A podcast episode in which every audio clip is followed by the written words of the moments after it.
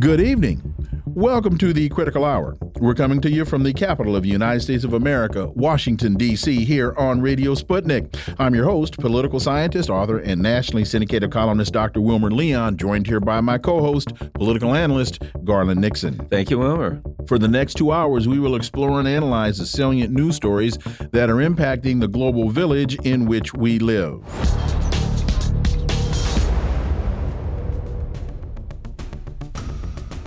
The Washington Post reports China hacked Japan's sensitive defense networks, officials say. Tokyo has strengthened its defenses after a major cybersecurity breach, but gaps remain that could slow information sharing with the Pentagon.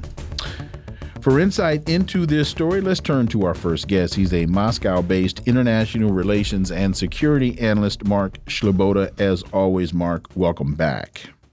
Dr. Leon Garland, thanks for having me. It's always an honor and a pleasure to be on the critical hour. So, the, the Washington Post writes In the fall of 2020, the NSA made an alarming discovery. Chinese military hackers had compromised classified defense networks in the U.S., most important strategic ally in, the, in East Asia. Cyber spies from the PLA had wormed their way into Japan's most sensitive computer programs.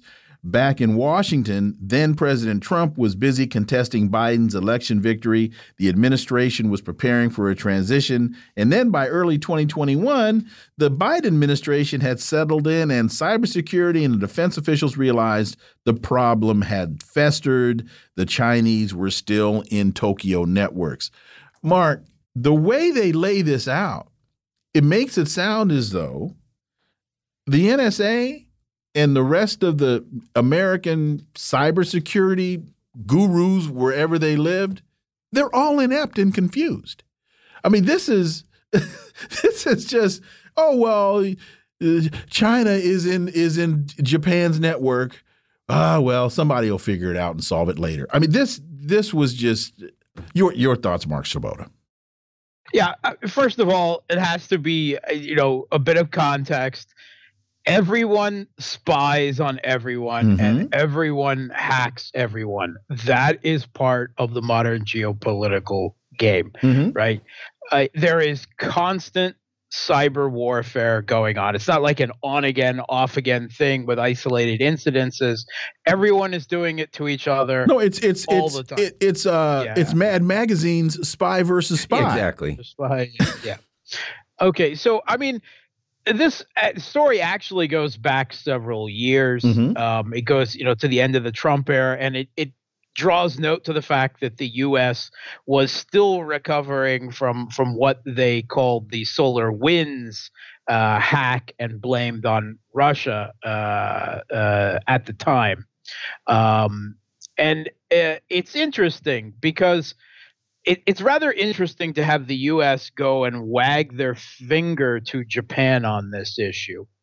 Meanwhile, the Pentagon is sending millions of uh, uh, high security emails to Mali, which has a government uh, that is uh, certainly anti Western uh, and has brought uh, Wagner uh, PMC in because of a typo accident that evidently was repeated again and again and again that instead of sending it to the an email server dot mil for a military address they sent it to dot ml which is Mali.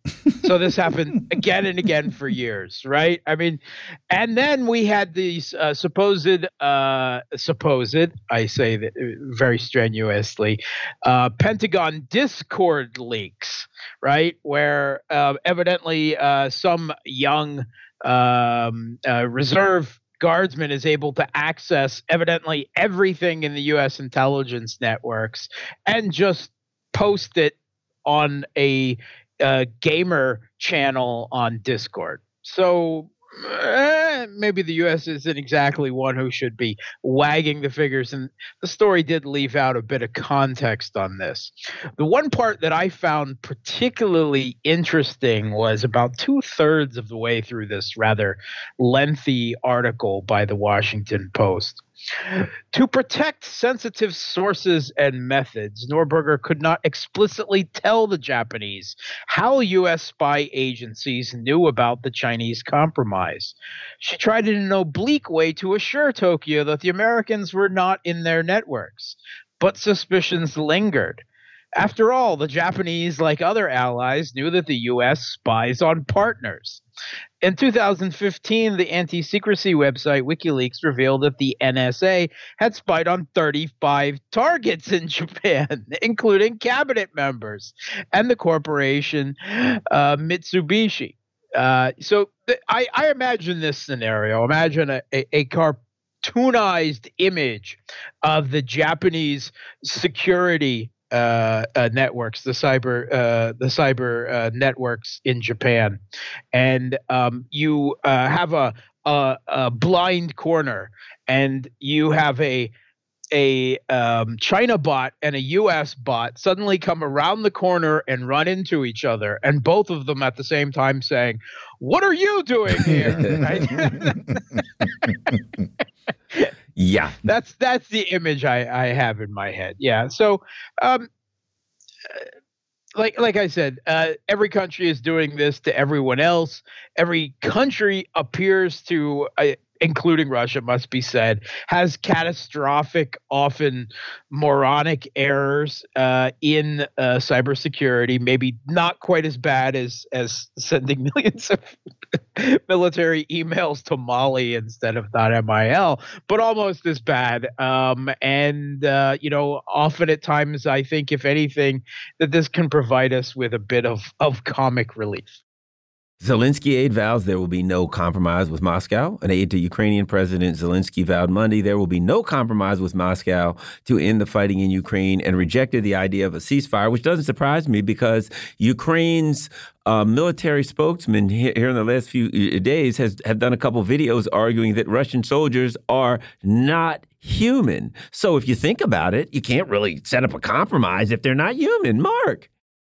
Yeah, they're orcs. I mean, that's what that's what the Kiev regime propaganda and supporters, right? You know, you can't compromise with orcs. Orcs don't do diplomacy, right? I mean, that's so. I mean, you know, the source of this is in the aftermath of uh, this latest not peace summit on Ukraine hosted by the U.S., which only includes the countries, doesn't include Russia, and includes the countries that trade with Russia, i.e., the rest of the world outside the West, that uh, the West would like to pressure uh, into stopping trade, threats of secondary sanctions, uh, saying uh, threat of of um, uh, unleashing uh, the the ogre leg breaker Victoria Nuland on them. She was looming behind Blinken during this summit. So, in the aftermath of this latest one, the first one was in June in Copenhagen. Now we have an, had just had another meeting in Jeddah in Saudi Arabia, arranged by the U.S. Um, ironically enough, with Saudi Arabia being one of those countries that not only is uh, not obeying, uh, you know, U.S. sanctions against Russia, but is increasing oil purchases from Russia for its own own purposes than selling its own oil for a markup to the EU, and appears to be reorientating its uh, foreign policy, looking for options, um, knocking on the door of BRICS and the Shanghai Cooperation Organization. So a little little irony of holding it in Saudi Arabia, but the Wall Street Journal tries to put a a uh, a silver cloud tries to desperately to find a silver cloud uh, in the aftermath of this meeting against which apparently nothing substantial happened. And the way they tried to find the silver cloud is they're nearer to a compromise and they noted that the Kiev regime didn't push quite as hard as last time for um, the uh, its own quote unquote Zelensky peace plan, which is uh, uh, Russia gives up, goes away, takes all their toys, uh, pays war reparations, all their leaders go to war crimes trials, and I'd like a little pretty, pretty, pretty little pink pony too. Um, so um, you know, uh, no one uh, evidently agreed with it. The Wall Street Journal tries to say that this is some kind of progress that uh, Ukraine, that the uh, Kiev regime didn't push that hard on the what is is called the peace plan and appeared more willing open to consensus. And then of course right after that comes out in the american press the kiev regime's presidential advisor and goebbels-esque mouthpiece Podolyak comes out and says no no no no no. Where we only uh, support this and we will have no compromise with russia you know and yeah, and they're not even human. Um, and it has to be said that coming out the other side, uh, Medvedev, uh, uh, the former Russian president and prime minister, and still the deputy head of the Security Council, said Moscow will achieve peace in Ukraine on its own terms. Uh, so it, it doesn't actually look like either of the conflicting sides is is very interested in peace um, at this particular moment. And I will just further note that most of the countries who attended this didn't seem to agree on much either, despite the Wall Street Journal trying to put a positive spin on this. Need, according to the uh, chief of staff of Zelensky, the head of his office, Andriy Yermak, uh, on air, uh, he uh, you know talked about the summit. And as he said according to him agreement could not be reached with the countries of the global south on tough points for example, on Russia's responsibility. Well, that didn't seem like it went much the U.S. and the Kiev regime's ways if the global South doesn't even agree that, that Russia is responsible for this situation in what the U.S. calls an unprovoked Russian invasion of Ukraine rather than NATO expansion, toppling a neutral government, uh, and uh, installing an anti Russia regime, which waged war on its own people for almost almost a decade. I'm going to combine two stories here. One from Sputnik International U.S. Senator says Ukraine can't win. They're a junior high team playing a college team. And this was uh, Tuberville making this, uh, this statement. Tommy Tuberville, yes, we're not getting the point in Washington. At the end of the day, it's a junior high team playing a college team. They can't win. This is Alabama Senator, former Alabama football coach Tommy Tuberville. And I want to add that to U.S. green lights transferring first batch of Abrams tanks to Ukraine. Uh, sounds like they're sending more targets out for target practice. Mark Sleboda.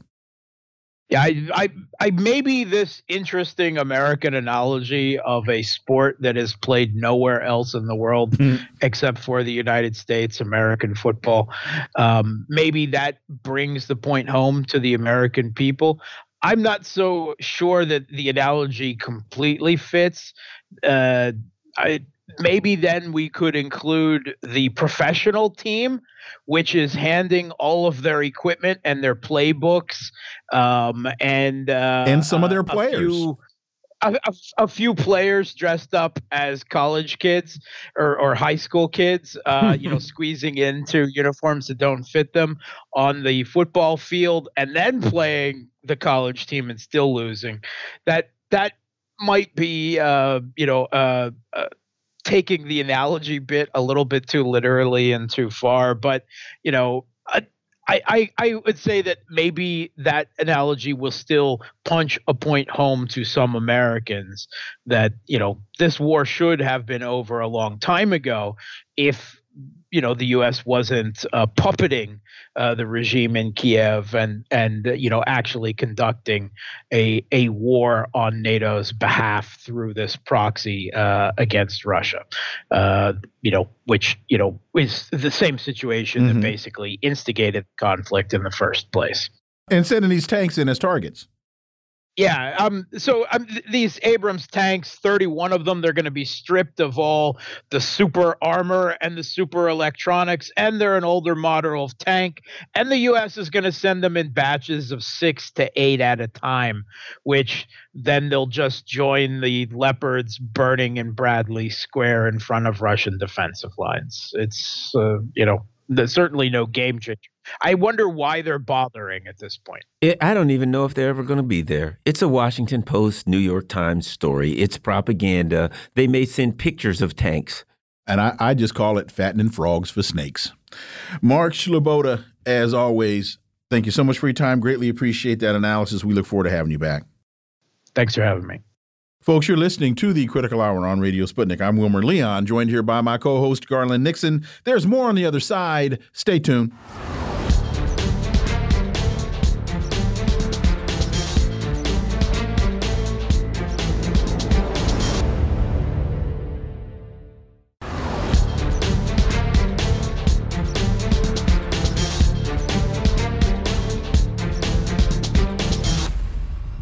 We are back, and you're listening to the Critical Hour on Radio Sputnik. I'm Wilmer Leon, joined here by my co host, Garland Nixon. Thank you, Wilmer. The American Conservative published a piece by James Carden, The Coming Battle Who Lost Ukraine? An effort to rewrite history is happening in real time as it becomes more and more difficult to deny what is happening on the battlefield in Ukraine, a grinding war with hundreds of thousands of casualties. Establishment media continue to present a picture of the war designed to rally the public should its enthusiasm for this latest American overseas adventure begin to begin to flag in the face of long and hard realities. For insight into this, we turn to our first guest. He's the editor in chief at the Duran.com, host of the Duran on YouTube, and very affectionately known as the Oracle of London. Alexander Mercouris, as always, man, welcome back. Delighted to be back again. Carden continues. In June, The Atlantic published a cover story by Anne Applebaum and Jeffrey Goldberg, which asserted that the future of the democratic world will be determined by whether the Ukrainian military can break a stalemate with Russia and drive the country backwards. Uh, the Ukrainians, and then the New York Times wrote, the Ukrainians are sacrificing for us. They are the ones doing us a favor by degrading the Russian military and reducing the risk of war in Europe that could cost the lives of our troops. Alexander, it seems as though the total opposite is what is going on. The Ukrainians aren't sacrificing, they're being sacrificed. And they're not degrading the military, and they are actually increasing the potential of war in Europe. Your thoughts, Alexander Mercouris? Well, you put it exactly correct. And by the way, just before we started, I was reading uh, a piece about some briefings that have taken place in Congress. And Congress now uh, is being briefed that apparently not to expect any possibility of Ukrainian breakthrough, and that the information that uh, the intelligence community, the US intelligence community, is receiving is that this latest offensive, the one that Applebaum Co. were talking up so much, that it's failing. And that's absolutely clearly the case. And what has happened as a result of this Ukraine war? Ukraine has been destroyed. Hundreds of thousands of people in Ukraine are being killed. These the economy of the country has effectively collapsed. It survives on life support. China and Russia have been brought closer together. There's been a uh, deeply friendly conversation between the Russian Foreign Minister Lavrov and the restored Chinese Foreign Minister Wang Yi. They've just spoken with each other in very friendly terms. There's a BRICS summit coming up. They're now talking about this new payment mechanism. There was some doubts whether India would go along with it. It seems that they are. And the Russian military is getting stronger. It's growing in size. Russia's economy has returned to growth. And who has actually got weaker? Well, Ukraine, obviously, but also the West. Our, our, arsenals of, uh, of, weapons have been de- depleted, and we found that we're not that popular around the world. So, in every respect, you're absolutely right. This war has ended up achieving the diametric opposite to what uh, Applebaum and company wanted. Additionally, if you could put this, uh, if you could uh, comment on uh, the relationship between what's going on here and the, um, the, the the things that are going on in Africa right now. You know, they have the African Summit, and within 48 hours, you have the it, things happening in Niger. Then you have all of the countries coming together in the area saying, "Well, if you fight one of us, you fight all of us," which is disastrous for France, etc. So, your thoughts on the Ukraine conflict, the Russia summit, Africa, and how that is affected by all of this? Well, because again, I mean, Russia has been um, basically uh, it ceased to be an active player in Africa um, after the Cold War. It had been a very active player in Africa during the Cold War when it had basically supported African uh, anti imperialism, anti colonialist movements. I mean, it played a critical role in South Africa, in Zimbabwe, in Angola, in uh, uh, Guinea, uh, uh Guinea Bissau, in um, all sorts of places, Mozambique, um, Ethiopia too, by the way. And uh, the Africans, it's clear, missed the Russians.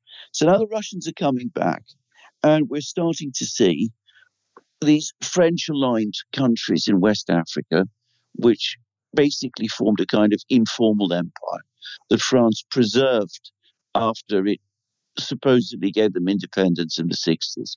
They're now tumbling. They're basically booting the French out, and they're booting French supported leaders out as well. And Niger, which is in some ways the most important, it's the one that produces France's uranium, which enables France to be a nuclear power, um, both in military and civil terms.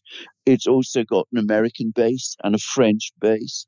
It's now it's also now fallen, and there's been lots of talk about forcing Niger to change course. Victoria Nuland has just been there. The coup leader in Niger refused even to meet with her. She had to meet with less important people instead. Um, she apparently left in very, you know, angry and has talked about, you know, a difficult meeting. Um, there was talk of there has been talk of trying to get Nigeria and Senegal to intervene. This proved incredibly controversial in Nigeria. Uh, the president's party in Nigeria has split. More and more people are coming out against this idea. It's looking increasingly unlikely that Nigeria will go along. And of course, other African countries, Mali, Burkina Faso, Algeria, which is, of course, not uh, you know, it's uh, uh, North Africa, but it's still um, a neighbor of Niger.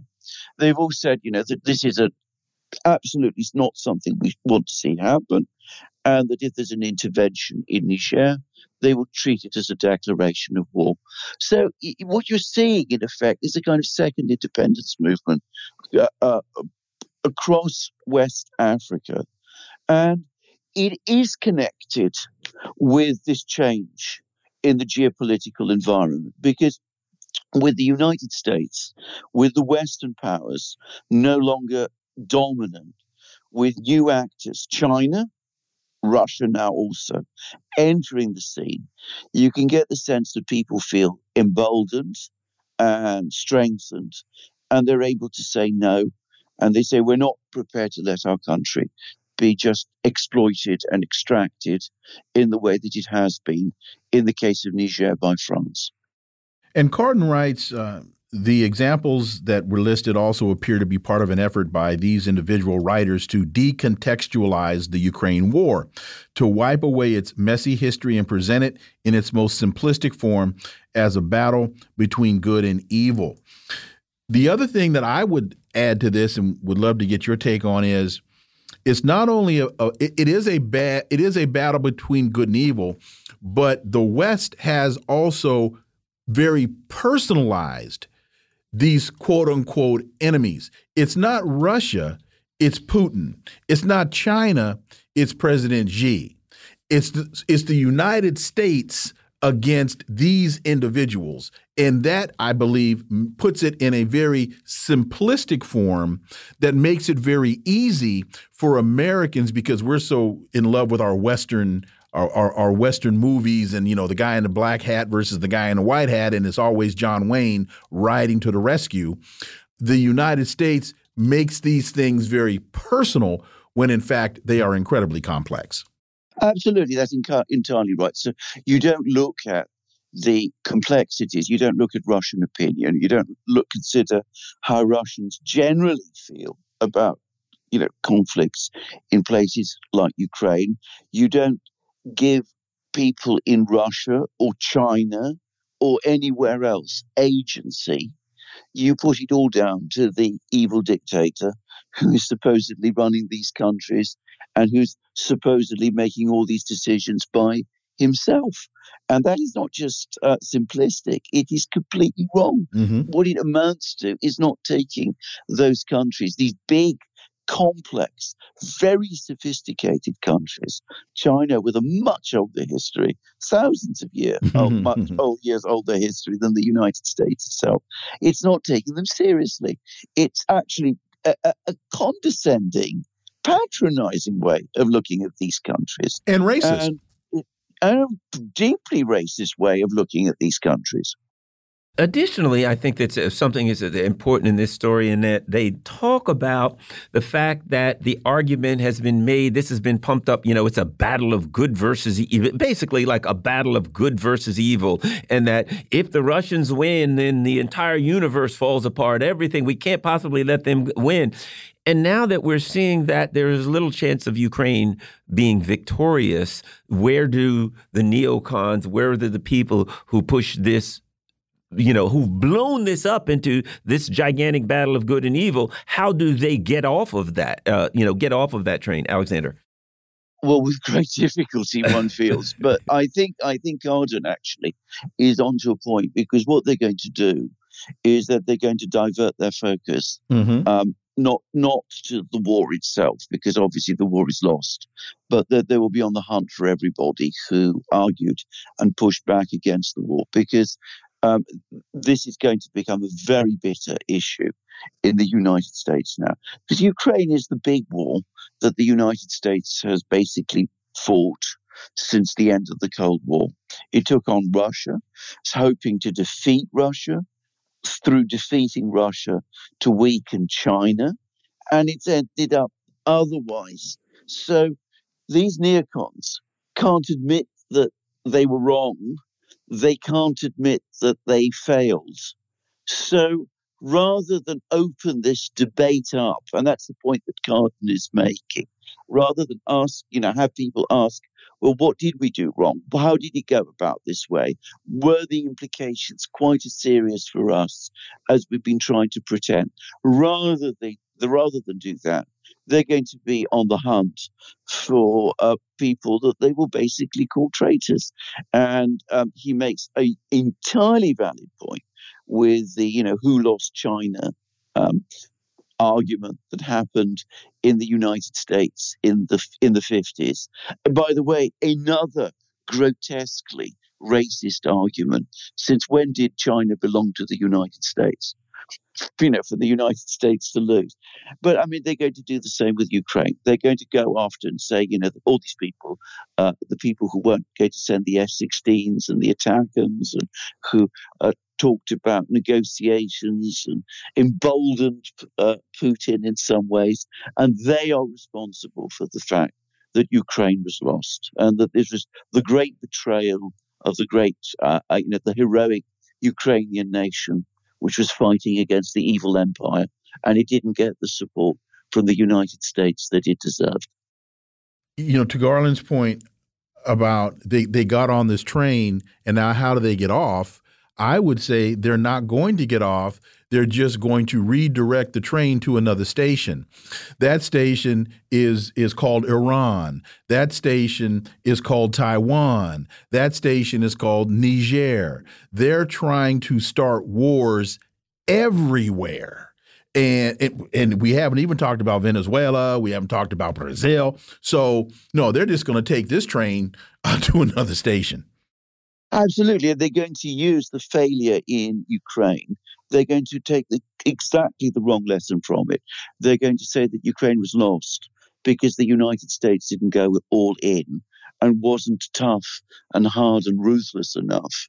In fact, just quickly, that's that's exactly what Chris Christie said this morning on Morning Joe is that the United States isn't big enough. The United States didn't go big enough. That every time there's been a, a, a conflict in the world, the United States has gone big and the United States has has turned out victorious. And he said he said that this morning. That's the failure of U.S. policy in Ukraine. We got.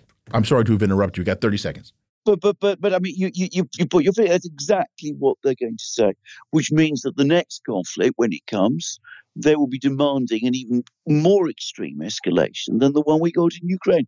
On any on any objective analysis, that whole argument, by the way, is ridiculous. Mm -hmm. But going going forward with that, if you go head to head with Iran and with China or something, I mean that invites potential for a catastrophe, the like of which we've never seen.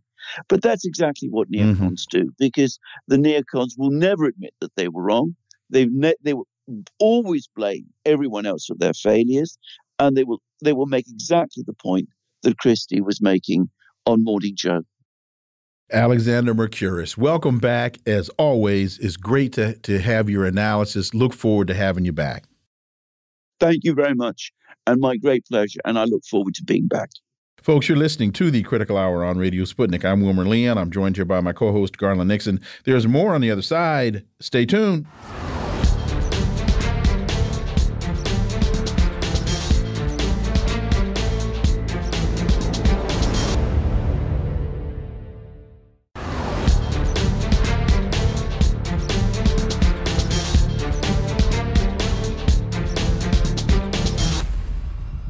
We are back, and you're listening to the Critical Hour on Radio Sputnik. I'm Wilmer Leon, joined here by my co host, Garland Nixon. Thank you, Wilmer.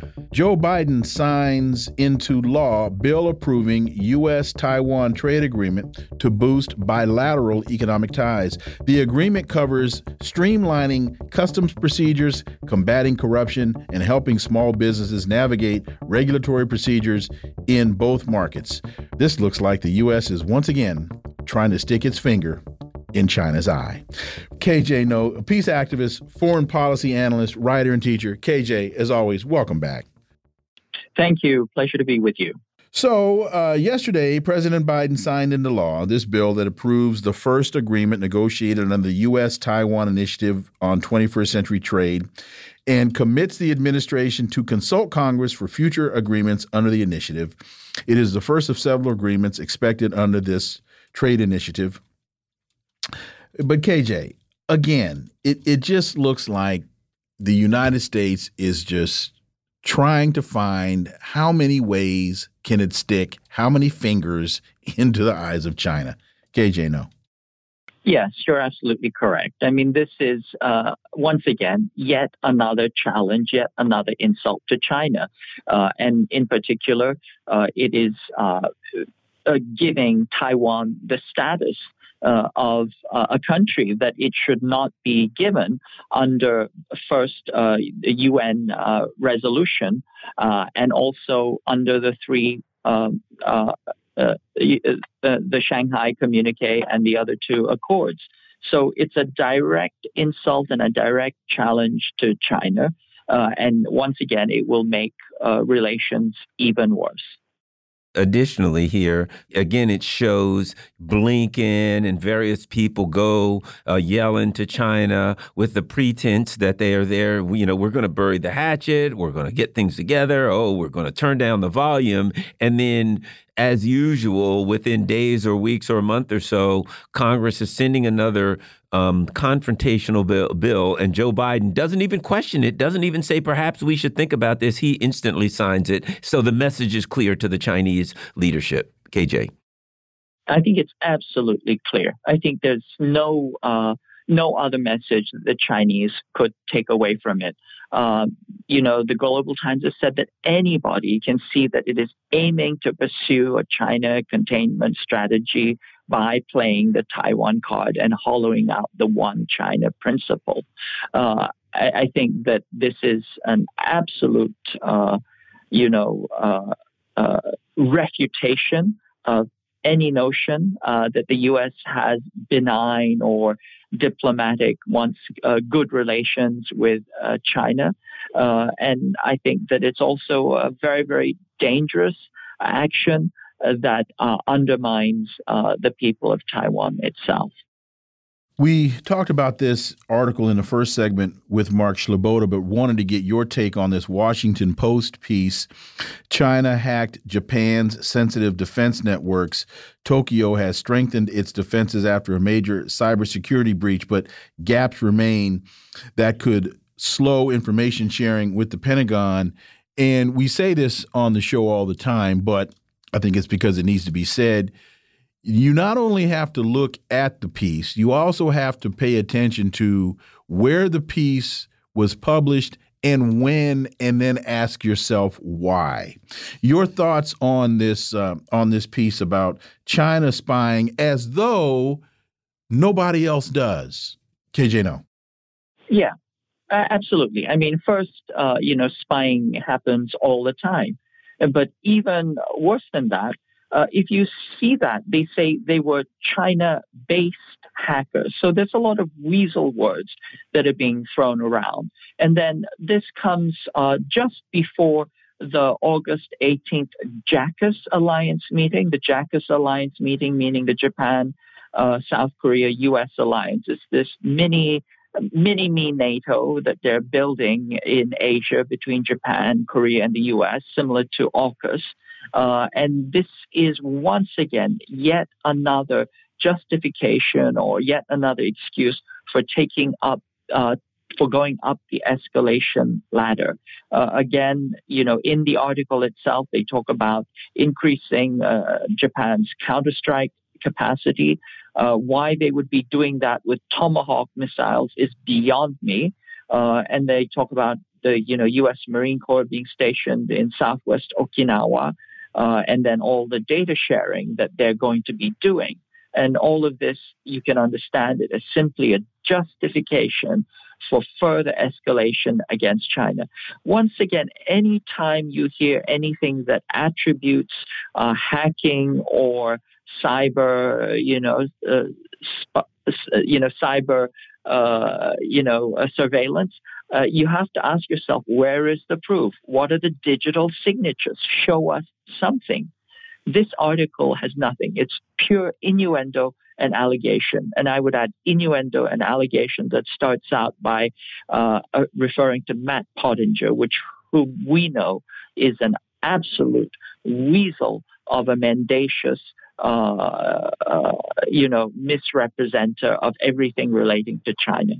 In this article, they say Beijing, bent on projecting power across the Western Pacific, has an area it controversially complains is a part of historic maritime dominion has increased confrontation in the region with whom they also go on to say it's engaged in dangerous air and naval maneuvers with U.S., Canadian, and Australian ships and jets in the Pacific. So we see that um, imperialism. We see that U.S. saying. China does not have a right to fly jets off its own shores and and confront the U.S. jets that are off its own shores. As let me add this: the United States is griping now because Russia and China have uh, uh, have um, uh, naval vessels patrolling uh, out from Australia but yet they argue freedom of navigation when they, I mean, excuse me, I said Australia, I meant Alaska. So Russian and China naval uh, uh, uh, bases, I mean, naval vessels are patrolling in international waters out from Australia. I mean, I keep saying that, Alaska, which is also near Russia, I might add. But it's okay for the U.S. to do it. Again, put all that together, KJ. Well, I mean, here's the sheer hypocrisy of it. If we do it, if the United States do it, it's quote unquote freedom of navigation. If China does it, it's something threatening and deadly. If Russia does it, even if it's off its own shores uh, in international uh, waters, it's sinister and deadly. And if we do it, we can do it anyway, and we shall fly, sail, and uh, uh, you know, move anywhere and uh, anywhere we want to.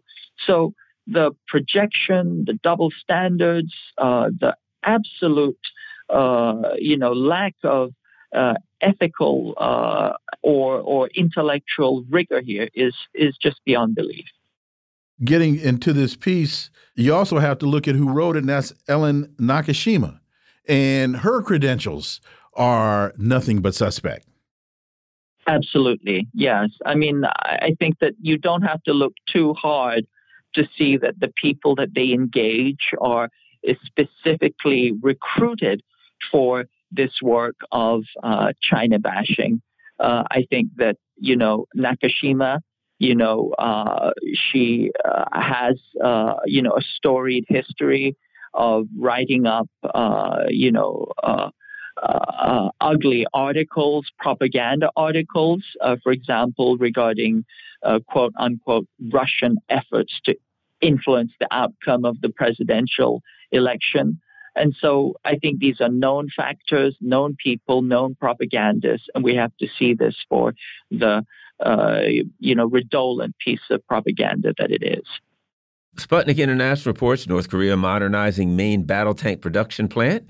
Here's what's interesting about that. They do mention Sergei Shoigu um, coming to coming to town, and I have to think that as the U.S. and China and um, uh, uh, are concerned about NATO trying to, you know, make itself a worldwide body, that they would work to help um, increase the military abilities of their uh, comrades. Just throwing that in there. Your thoughts, KJ? Well, I think that's absolutely correct. I mean, first, Russia cannot but notice that South Korea sent what 300,000, 500,000 shells uh, to the Ukraine uh, via Poland or the United States, or maybe they lent them uh, to the U.S. Or, or Poland or NATO. But anyway, what's clear is that South Korea has become a player in the Ukraine war, as it always does with any U.S. wars. Uh, and so, to return the favor, Shoigu visited Pyongyang uh, and, you know, paid his respects to Kim Jong Un uh, and uh, and spoke out about uh, how deeply you know supportive they were of North Korea. And then the other thing, which I think uh, seems to have been lost is that North Korea recently tested the Hwasong 18 on June 12th, uh, the uh, North Korean ICBM, and experts have pointed out that this is an exact replica of the Russian Topol M missile, uh, and therefore uh, it's highly suspected that Russia is directly assisting North Korea's uh, ICBM program. You know, not that these are old clones or that this is borrowed technology from decades ago, but that they're currently assisting South Korea. And so what goes around comes around. Uh, clearly, uh, North Korea is sitting, is sending the message that it is not going to stand still while it is, uh, you know, threatened, uh, and while NATO and the United States escalate for war against both North Korea and China, that they will take counter moves. And this is certainly one of them. We have just a minute left. India's Prime Minister Modi could be left red faced after he confronts opposition. Quickly, uh, how concerned should people be about what's happening in India? Well, you know, people think that it's not going to shift things, but it certainly is a loss of faith. Uh, essentially, what it boils down to the fact that they're the Adivasi uh, in in the region that have been terribly, terribly brutalized. This is a legacy of British colonial policy that continues to this day. And any time you have this kind of increase in ethnic violence, it is uh, it, it, will not topple a Modi, but it will delegitimize mm. him. And that currently is one of the things I think that is also on the agenda.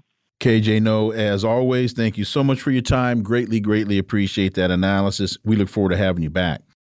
Thank you. Always a pleasure. Folks, you're listening to the Critical Hour on Radio Sputnik. I'm Wilmer Leon. I'm joined here by my co host, Garland Nixon. There's more on the other side. Stay tuned.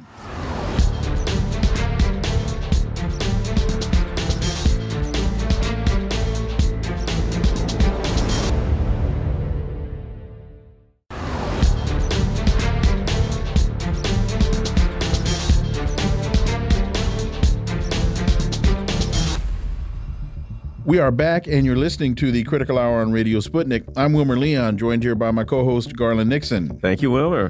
Consortium News has a piece entitled The World Bank's Way of Tracking Inequality, Leaving the Rich Out of the Equation. This is from Sam Pizzigati. He reports on the protest by economists worldwide against the World Bank's shared prosperity method of tracking gaps in income and wealth.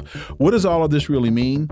Well, for insight, we turn to our next guest. He's an associate professor of economics at the University of Missouri, Kansas City, as well as former president of the National Economics Association. Dr. Linwood Tauheed, as always, welcome back.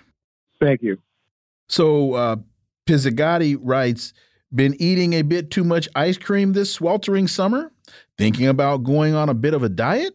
Well, imagine yourself counting calories but exempting anything with sugar from all your counting. Would that approach help you make an appreciable dent in your excess body baggage? Of course not. We can't eliminate what we ignore, and that goes for inequality as well. Over 300 distinguished economists worldwide are charging in a new open letter to the UN and the World Bank. Your thoughts, Dr. Tauheed? Uh, yes, um, the, the, the idea of shared prosperity, of course, uh, sounds like a, a, wonderful thing that everyone is going to uh, participate in whatever uh, economic uh, growth and development that occurs. Uh, and and so you, one might ask why why the concern about this World Bank process of shared prosperity. I think the the the the, the, the essential thing has to do with understanding the difference between income and wealth. Of course, they're not unrelated, but but uh, persons can have income and have an increase in income, which is part of the shared prosperity uh, uh, program. That the lower 40% of income earners have a greater uh, increase in their income than, let's say, the, the well, greater than average. But but one can be poor and have your income double and still be poor. That is, uh, still have to use all of that income increase to uh, for food, clothing, and shelter, and therefore you're not able to increase your wealth. And so, while income inequality may go down, it's still possible for wealth inequality to go up because uh, the, the very wealthy uh, are not spending anywhere near all of their money, and so out of their income they can still build wealth. And so, if you are uh, just looking at income increases among the poor, but not looking at the inequality in wealth, you are in fact uh, ignoring uh, what the, the power that the very wealthy have. Because, as Adam Smith said, wealth is power. And if you have increasing wealth, then you're able to to um, affect the political system you're able to affect affect things like policy for for um, uh, climate change, or or water safety, uh, or other kinds of uh, drinking water safety, or other kinds of, of policies. And so, wealth is important. But income is not unimportant, but uh, the World Bank is is putting the focus back on income, when in fact it should be focusing not only on income but also on wealth. Dr. Tauheed, I think this is another example of um, neoliberal capitalism is about the narrative rather than the actual facts on the ground. I know I remember this was before uh, COVID a few years ago. Uh, I was in this tea place, you know, one of these the hip tea places here in D.C. And they said they, you know, they said yes, we use sustainable tea, and I'm like, that's great. What does that mean anyway? And the waitress just looked at me and said, uh, "Hold on a minute, I got to go back and ask the manager." so they had sustainable tea, but they didn't, and the manager didn't wasn't sure what it meant. Took out his phone and started searching online to find out what sustainable meant. And I said, eh, "At this point, there's no point in doing going through all of this." But my point being, when you talk about neoliberal capitalism saying they're going to deal with inequality or anything like that, it's always about the narrative. It's never about whether or not they're actually dealing with inequality or sustainable issues anyway. It's, it's not about the substantive, it's about the narrative. Right. Dr. Tauheed. Exactly. It's, it's, all, record, it's all rhetorical. Uh, the idea that the optics must be uh, uh, made better so you can, in this case, try to convince people that the poor in the world are are doing better because they have greater income. Uh, but but uh, they are also uh, the poor is uh, and the working poor also generating substantial income for the wealthy that the wealthy don't have to spend, and and therefore we get this uh, wealth increase. Now some of some of that wealth, uh, maybe a considerable amount of that wealth. In, in countries like the U.S., ends up in the campaign co- coffers of politicians who continue to vote uh, for for neoliberal policy, for big business policy, uh, even if uh, there's a little uh, additional income for the poor. Of course, the downside of, of, of, increasing the income for the poor is that that that's that's going to be blamed as the cause of inflation, right? We we have to we have to not have uh, wage increases. Uh, in order to get inflation going going away, of course, that's a, that's a false narrative but but it is all about the narrative here. Reuters reports Moody's downgrades U.S. banks, warns of possible cuts to others. Moody's credit ratings of several small to mid sized U.S. banks on Monday said it may downgrade some of the nation's biggest lenders, warning that the sector's credit strength will likely be tested by funding risks and weaker profitability. And this, as we talked about uh, yesterday and, and last week, that Fitch uh, downgraded the U.S. credit from AAA to AA plus. Are the two related, Dr. Tauheed? Well, I, I, if they're related in any way, I would say that Moody's has decided to actually do a downgrade of, of, of U.S. banks in a proper way to po possibly get it get to move itself from the stigma of Fitch doing it improperly. Uh, and, and, so and so this may be Moody's saying, well, you know, we're, we're not we're not Fitch, we're not going to downgrade U.S. credit, but those banks are in trouble.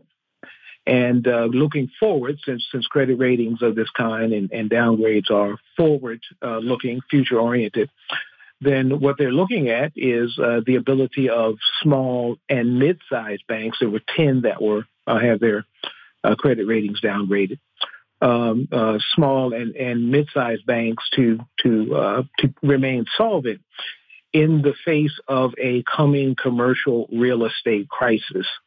Uh, commercial real estate is taking a hit um, uh, when when workers start decided to work at home instead of uh, in the office. Then we had uh, unused, much, much uh, unused office space. In addition, workers are are fighting returning to work, and so they're they're um, also wanting to continue to work at home. We have high interest rates, which is making it difficult for for um, uh, mortgage loans to be paid off, and uh, particularly if they have to be renegotiated. In addition, we have a coming recession and all of these things are, are uh, at least this article or, or Moody's uh, downgrade is focused on how this will affect the commercial real estate environment. And so, commercial real estate, uh, which at one point was was was safe and uh, not very risky, still risky, but not as risky as it is now, is uh, uh, Moody's is looking at the future of that and saying that if you are a small, mid-sized bank and you have any considerable uh, commercial real estate holdings, you're going to be in trouble. And so I think this is a proper use of a rating as opposed to Fitch's um, uh, uh, downgrade, which did not make a lot of sense. The UAW to show list of economic demands to auto, uh, auto workers um, this week. Uh, will seek worker pay if plants close. We're seeing uh, more and more um, unions starting to kind of buck up, stiffen up their spines, and push back. Uh, your thoughts on the UAW? Will they have any any success? Well, I think anything that that, that a union like the UAW does uh, to to push back against uh, corporate uh, uh, profit taking, or at least to get to, to, get a share of that corporate profit, take, profit taking, is is going to have an effect. The UAW is a uh, union with uh, perhaps not as many employees as as it used to, but still it, it's it's a significant um, um, uh, union. And there are some some very interesting um, uh, things that the UAW um, uh, is proposing. One is uh, a what's called a jobs bank that there will be money set aside by the company so that if uh, plants have to close down, workers can still get paid uh, what should be added perhaps to that is is retraining workers. If, if plants are uh, uh, shutting down, then workers, auto workers, should probably be um, uh, able to be retrained for other work. But that's that's a significant um, um, uh, um, uh, demand in the, from the UAW. In addition, they are looking at a 32-hour work week. Now, a 32-hour work week right now would be considered part-time work, and benefits wouldn't come with that. Uh, but uh, but uh, for the union to try to negotiate a 32-hour work week with full benefits is also a significant move from the kind of the standard 40-hour uh, work week as well. Uh, they're also asking for a greater than a 10% pay increase, and um, going back to what's called the defined benefit pension instead of the defined contribution 401k pensions, which are are less stable. And so I think there's significant uh, demands in this US UAW um, um, uh, intended uh, proposed contract with the with the automakers, and I think it is very significant. So as we continue to uh, either move towards or spiral towards 2014, and uh, and I know you you you spent a lot of time studying Bidenomics, and there's a there's a lot of discussion uh, about are we or are we not in a recession or what is really looming on the horizon. What is your sense? Where are we going to be? Let's just say four months from now. Well, well, I you know uh, the the idea of a recession uh, has been pushed further and further down down the road by by economists and by financial institutions as the economy, uh, particularly the job, the labor market, was continued to be robust. Uh, but the last jobs report, we uh, the the economy created uh, somewhere around 165,000 jobs. Now that seems like a lot of jobs, but but the economy really needs to create every month uh, over 300,000 jobs just to keep up with the population increase. And so that's not enough. 165,000 is not enough uh, to keep the unemployment rate, uh, to keep to keep persons who are unemployed um, uh, to to get them work. Uh, there are not enough jobs being created, unless they're part-time jobs. And of course, when when when full-time jobs are being turned into part-time jobs, the unemployment rate, in fact, may go down, but the uh, spending ability of persons is going down also and that that decrease uh, pro- projected decrease in spending is is what's leading to projections for a recession. Uh, and and so uh, the, the, the recession now has been pushed off until 2024, but I think the indications uh, are that we are moving in in that direction. And so quickly, so that's the projection or the narrative for the recession, but as it as it relates to what people are are are facing when they go to the grocery store and how much they're paying for tomatoes and how much they're paying for milk. Where what is what what's the practical reality? One minute.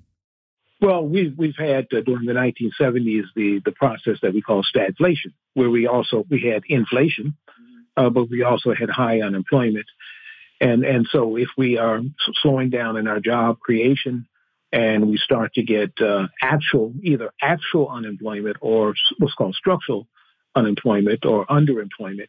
In that case, where persons are not working as as much as they as, as they want to, then uh, we, you know, when we move into that direction, I think the economy will show signs of recession very quickly.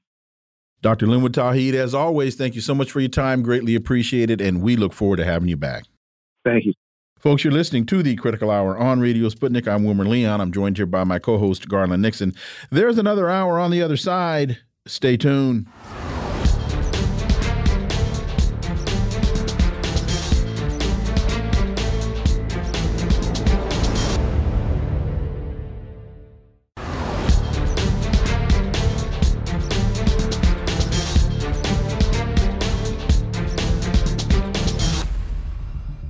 We are back, and you're listening to the Critical Hour on Radio Sputnik. I'm Wilmer Leon, joined here by my co host, Garland Nixon. Thank you, Wilmer.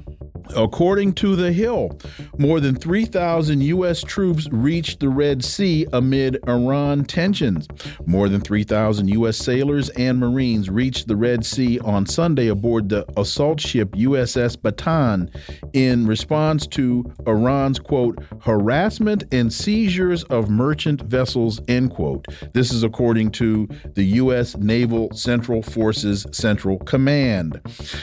This appears to be another example of the U.S. trying to pick a fight and then crying foul when the target of its aggression responds.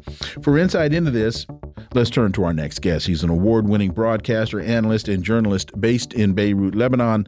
Laith Marouf, as always, Laith, welcome back. Great to be with you.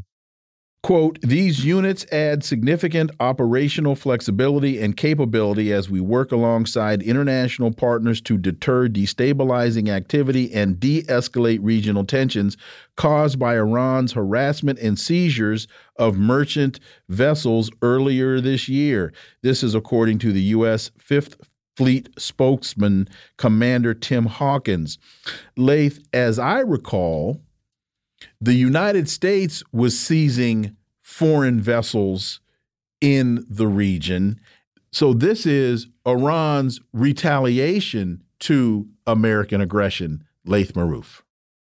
Definitely. I mean, in the last two years, we saw multiple ships uh, confiscated by the United States in international waters that belong to Iran. And uh, Iran has been responding since with the same uh, taking over ships that are uh, transporting smuggled or stolen the oil from the region. Uh, to see the United States right now raising this uh, tension in the Gulf uh, after Saudi Arabia uh, had a rapprochement with Iran uh, through China, and much of the Gulf countries have done followed suit. This shows you that the United States is desperate actually to keep hostilities in the, the region. it also comes at, as we see, as the United States is, is raising tensions in both Africa, in with Niger, and uh, on the borders with China, with Taiwan, and as we see, of course, continuing the war in Ukraine.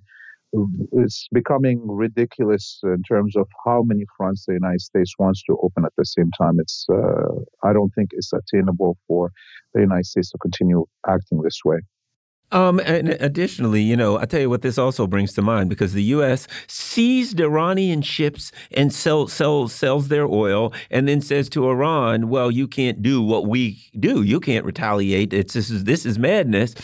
At the exact same time, the U.S. argues in the Straits of um, in the Taiwan Straits in the South China Sea, we can send our warships anytime we want. This is a freedom of navigation. We can navigate. The waters are free.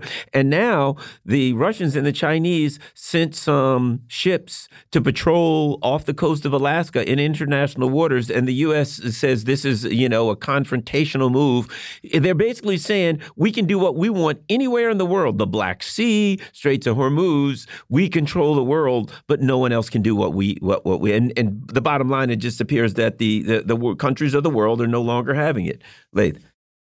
Yeah, this is exactly what the order-based, uh, uh, I mean, the rule-based order, which is do what I say, don't do what I do. This is what the United States says to the world, uh, and it wants to have the, uh, you know, the superior position of being the world policeman that uh, the laws don't apply to, and only the laws of the United States, not even international law, will apply now to the rest of the world. This is what the United States is trying. It wants to erase international law and uh, you know extend the American laws and rule over the rest of the world.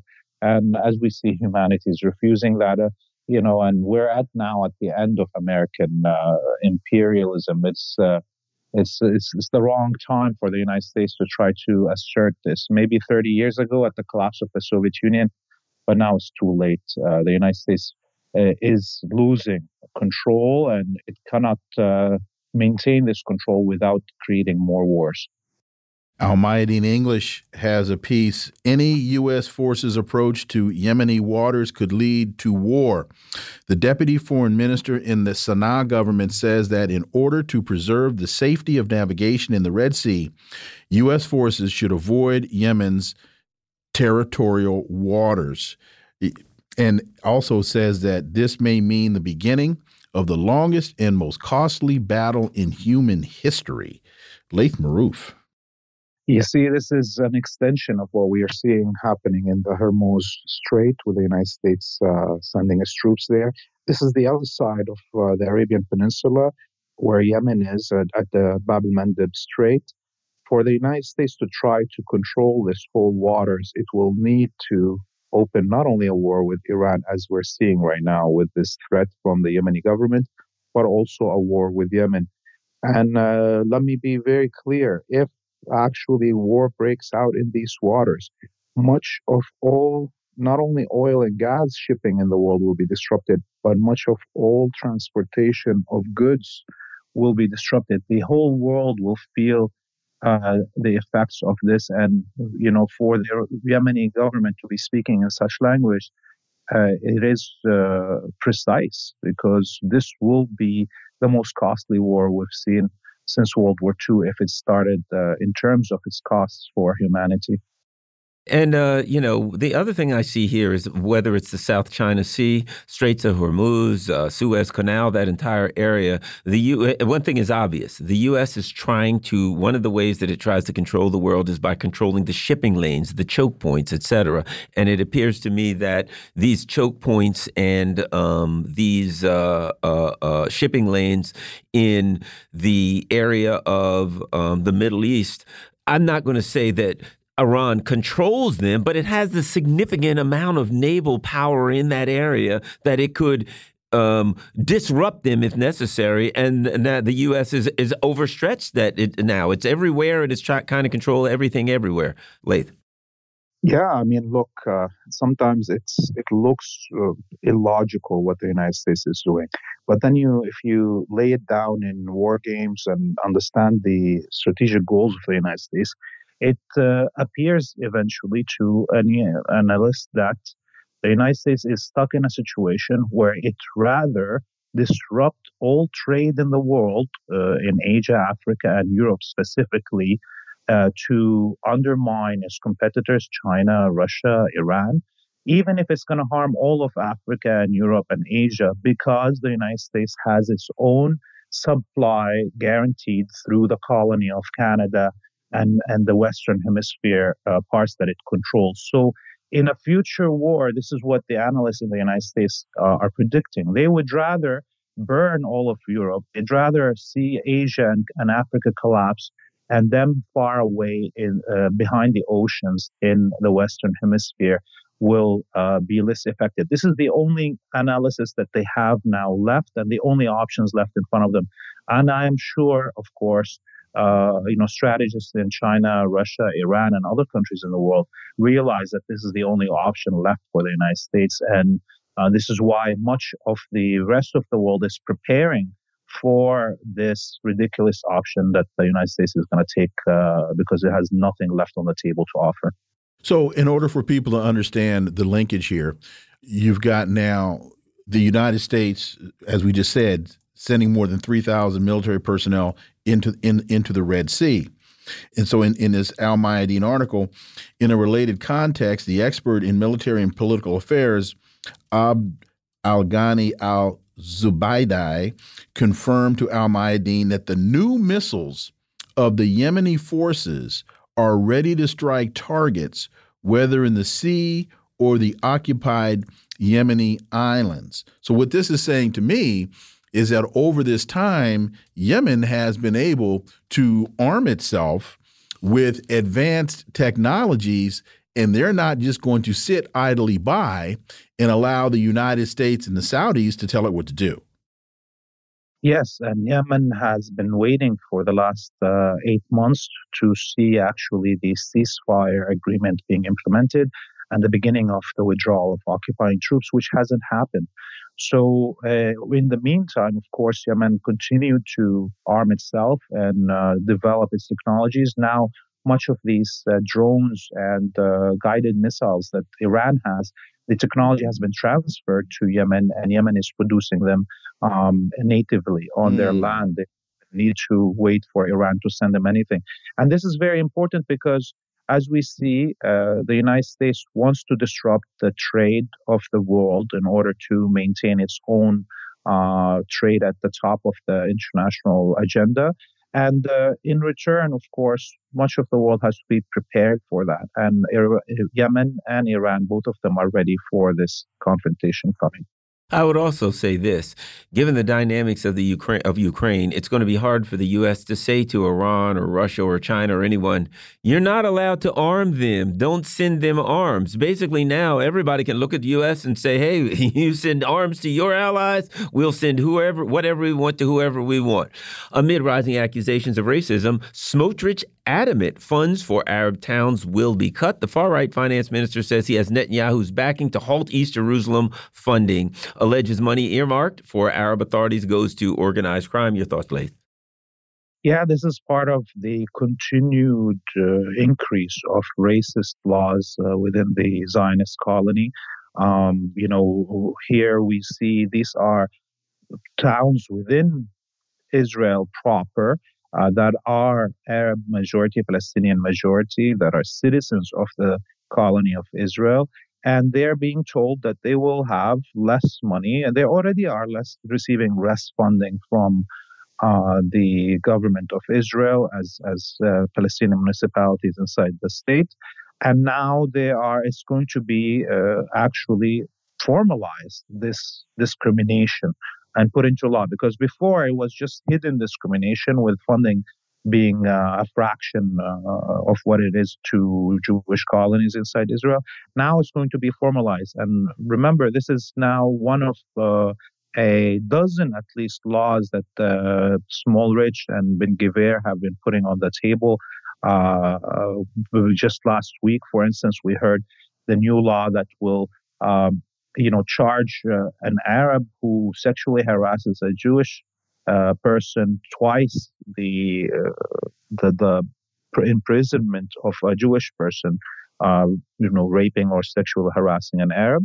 Uh, similarly, they uh, we, we, you know Ben Gvir just cut all the uh, visits by families to prisoners in Israeli jails, Palestinian prisoners. They also uh, made it that uh, you cannot appeal or be released before the end of your uh, your term, even as a Palestinian prisoner, even if you're uh, the the authorities decide that you should be released.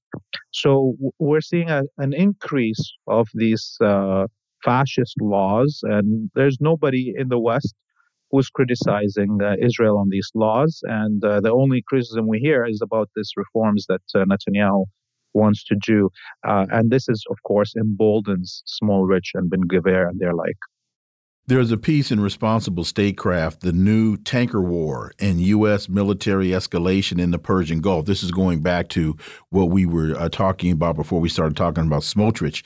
The last time Washington put armed personnel on private vessels was during World War II.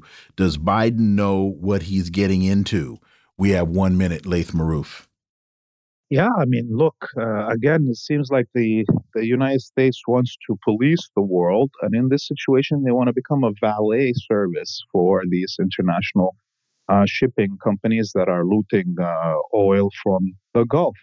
Um, so, you know, the United States is going to pay for this. If they are already uh, putting us in a situation very similar to World War II in this in this case, as as the report uh, says, then they should be ready for world war because the more the United States acts uh, in such pirate uh, ways, uh, the more we will lose control of the situation, then the more the institution and international law that we have uh, since World War II become irrelevant. And this is, I think, partially what the United States wants to do with its uh, rule-based order push is to delete international law.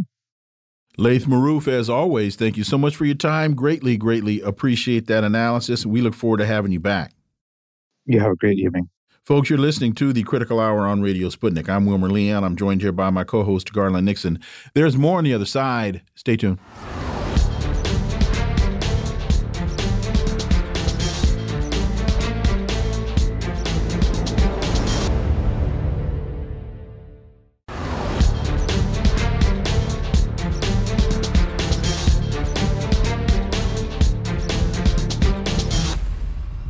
We are back, and you're listening to the Critical Hour on Radio Sputnik. I'm Wilmer Leon, joined here by my co host, Garland Nixon. Thank you, Wilmer. As we look at the anniversary of the uh, Hiroshima and Nagasaki bombings, our next guest has written a phenomenal piece entitled The Long Shadow of uh, Hiroshima Capitalism and Nuclear Weapons. The piece opens In the last year of Trump's volatile presidency, the Bulletin of the Atomic Scientists moved the doomsday clock to 100 seconds to midnight, the closest it has been, and kept it there in 2021, worrying that even even the means by which leaders had previously managed potentially civilization ending dangers are being dismantled or undermined. Where are we now? Well, for insight, let's turn to our next guest. She's a professor in the Department of Political Studies and director of the Geopolitical Economy Research Group at the University of Manitoba, Winnipeg, Canada, and author of numerous books and the author of this piece, Dr. Radhika Desai. Welcome back. Thank you very much. You continue the post Cold War reversal of nuclear arms control accelerated under Trump and the Biden administration changed little, prosecuting the previous administration's new Cold War on China with equal, if not greater, zeal. It made the South China Sea the most dangerous place on earth. This is from The Economist. Alarmingly, migrating a label once applied to South Asia after Pakistan acquired nuclear weapons to a conflict involving the world's superpowers. Uh, Dr. Desai, how concerned are you, especially with the United States continuing to fan the flames of conflict with Russia through Ukraine and the United States fanning the flames of conflict with China through Taiwan, and not to mention North Korea and what's going on in the Sea of Japan. Dr. Desai. Well, uh, you know, the, you started off with the doomsday clock, and the fact of the matter is that the, earlier this year, the doomsday clock has been moved to from 100 seconds to midnight to 90 seconds to midnight.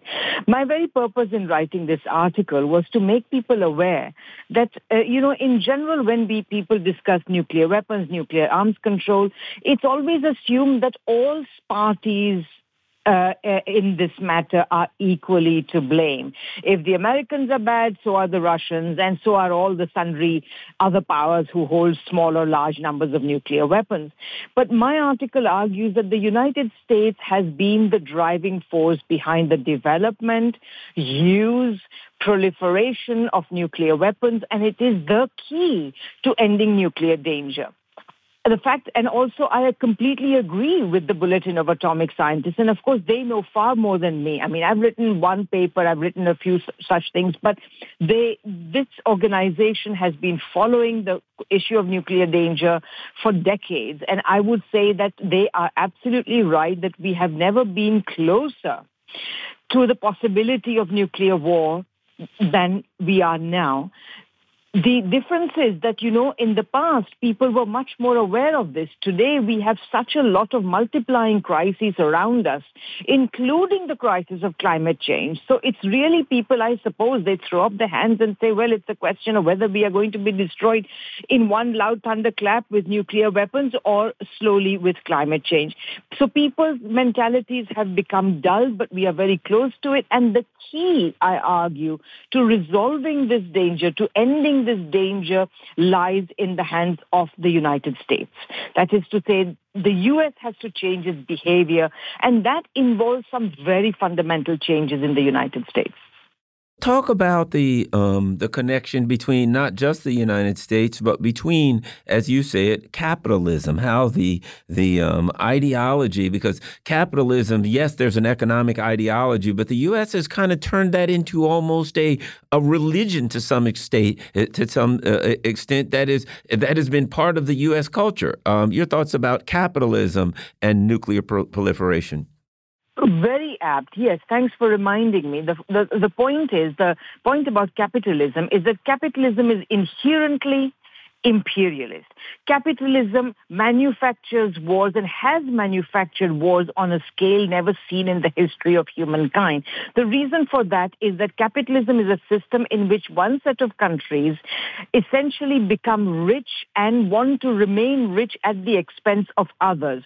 So what they must do in order to deny others the right to their own development, their own uh, development and their own type of development is by essentially uh, uh, conducting wars against anyone who says, "Okay, we are going to try and uh, uh, uh, uh um, try and develop in our own way." So capitalism is imperialist; it requires imperialism, and since 1945 nuclear weapons have become inextricably intertwined in the imperialist efforts of, of the world's rich countries. And this occurred at a time when the United States has become, partly as a result of the acquisition of nuclear weapons, the leader of these countries. So in that's why I said I, I tie the whole issue of the U.S. role in the world and the U.S. use of nuclear weapons um, to uh, the issue of capitalism. So that is also a, a, an issue. And so, so, so, and, and, and it's important to remember that, you know, for all the anti-communism that to which we are constantly subject day in and day out, earlier it was against the Soviet Union, now it's against China. For all that, the United States the capitalist country that claims to be in favor of freedom and democracy and human rights, the, on, the capitalist country, the leading capitalist country is the only country in the world that has ever used nuclear weapons. And it is the only country in the world that has used such weapons without having any reason to do this cried themselves hoarse saying that, you know, we did this because otherwise it would have cost 500,000 American lives if we had to invade Japan, etc., etc. The fact of the matter is, as leading U.S. scholars themselves have pointed out, the United States has absolutely no reason to use nuclear weapon against Japan. Japan was already at the point of surrender.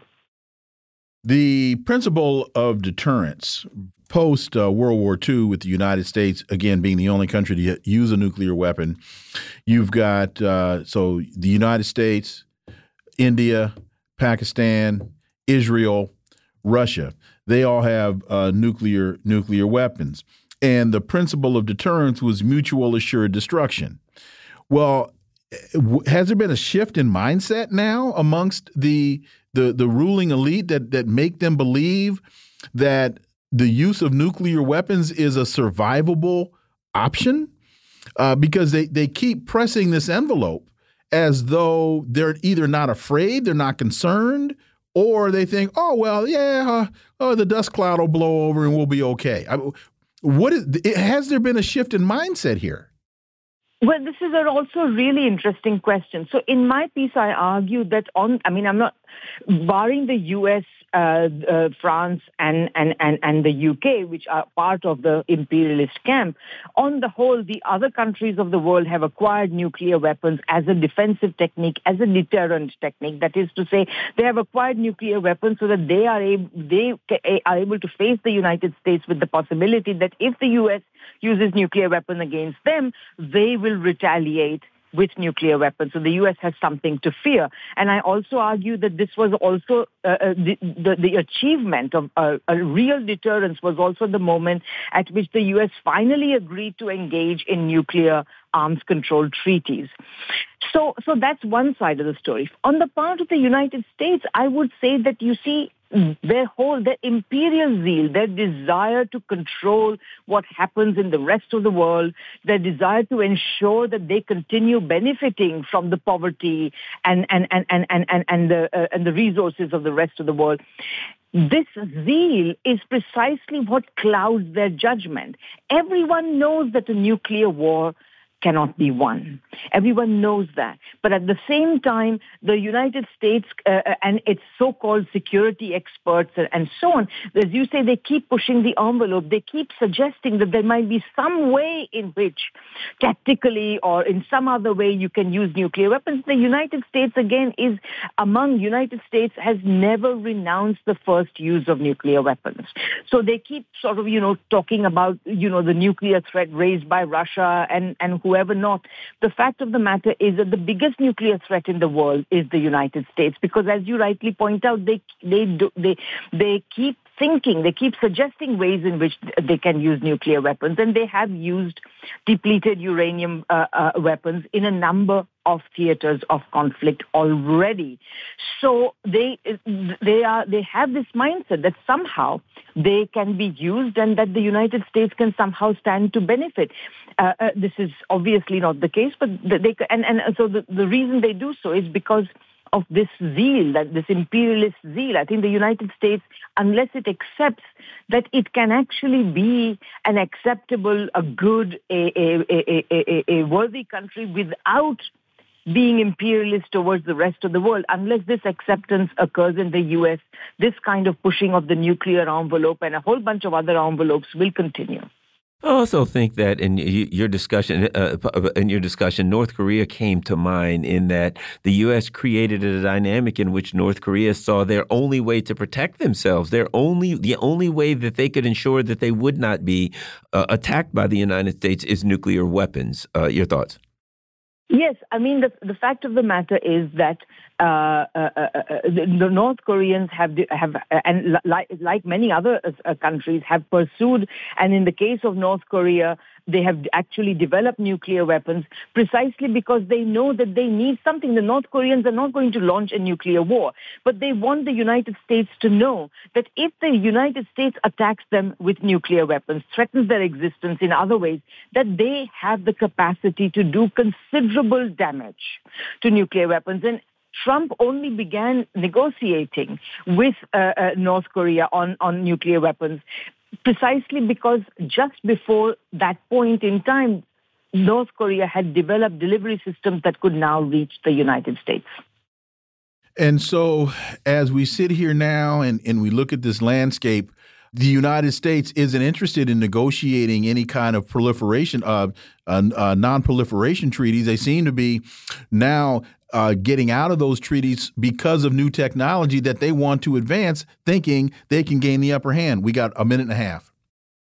Yes, well, uh, another point I make in this piece is that basically everybody thought that at the end of the Cold War, uh, there was a very substantial and dramatic symbolic reduction of nuclear weapons and that somehow this will continue and nuclear weapons will be eliminated. But instead of that, we have seen the United States making the, continuously making the world a much more dangerous place. And as you rightly say, one by one withdrawing from practically every other existing arms control treaty. Uh, this this does not include the uh, not nuclear non-proliferation treaty, but I also argue that the NPT has become largely toothless at the present time. And the reason for that is also the same. It has become largely toothless. It does not carry much weight with most of the world because one of the key provisions in it has never been respected, which is that the nuclear armed countries, the nuclear weapon states must sit down okay. and negotiate for the reduction and elimination of nuclear weapons. Dr. Radhika Desai, as always, thank you so much for your time. Greatly, greatly appreciate that analysis, and we look forward to having you back. Thank you very much. Folks, you're listening to the Critical Hour on Radio Sputnik. I'm Wilmer Leon, joined here by my co host, Garland Nixon. There's more on the other side. Stay tuned.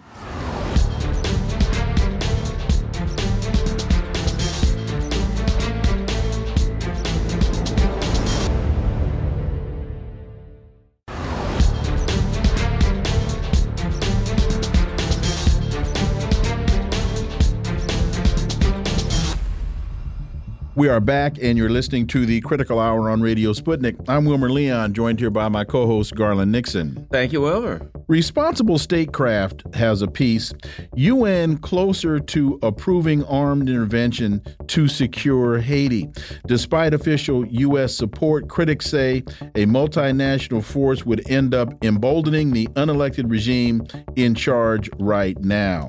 For insight into this, let's turn to our next guest. She's a professor of Black Studies and anthropology at the University of California, Los Angeles, a member of the Black Alliance for Peace, and an editor of the Black Agenda Review segment of the Black Agenda Report. Dr. Jemima Pierre, as always, welcome back. Thanks so much for having me.